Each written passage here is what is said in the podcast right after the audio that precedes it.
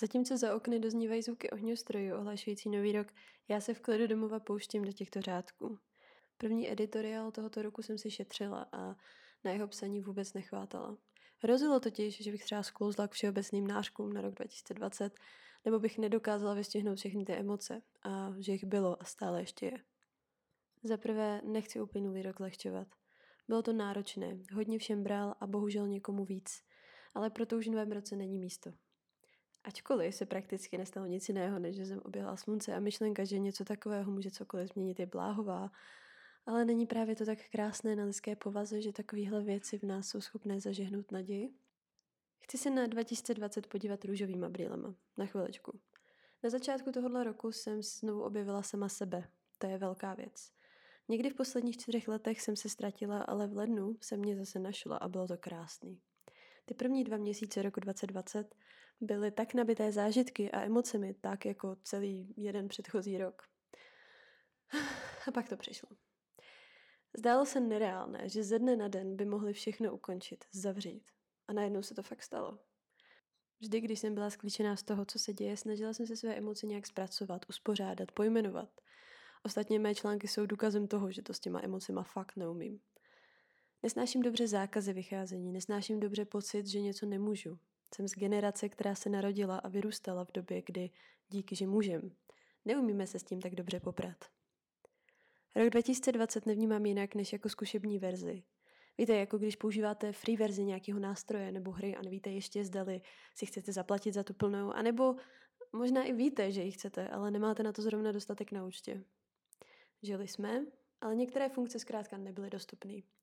Když poprvé oznámili zákaz vycházení od 9 hodin, těch pár večerů, během kterých bych stejně nikam nevycházela, pro mě bylo hrozných. Plánovala jsem si vždy na devátou hodinu, že si budeme volat s přáteli, hrát online hry, jen hlavně na to nemyslet.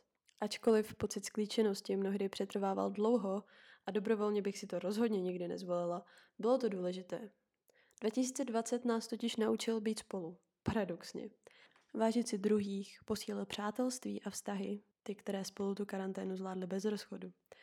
Dal nám příležitost najít cestu k sobě a ukázal nám, s kým nám je opravdu dobře, s kým to zvládneme, kdo nás vytáhne ze sebe lítosti a kdo i v takových situacích nás je schopný rozesmát do slz.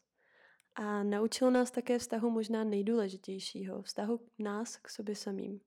Už před sebou nebylo uniku. Museli jsme se naučit, co nás skutečně činí šťastnými a co ne – Uvědomili jsme si pomíjivost všeho. Uvědomili jsme si, že i když je to hrozná banda divé zvěře, tak je pro nás i rodina opravdu důležitá. Zkusím teď využít magii 1. ledna, pokud tam nějaká je, a řeknu, že 2021 už bude ten rok, kdy postupně na tu placenou verzi přejdem. Opustíme to demo a začneme zase žít.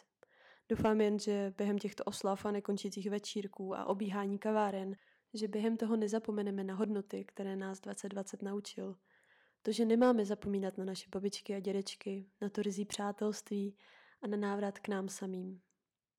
Vyhlašuji také leden měsícem restartu.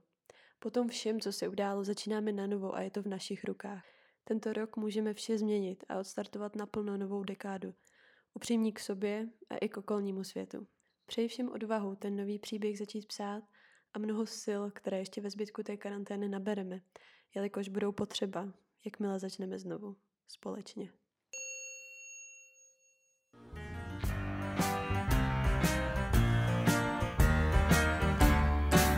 She's a killer.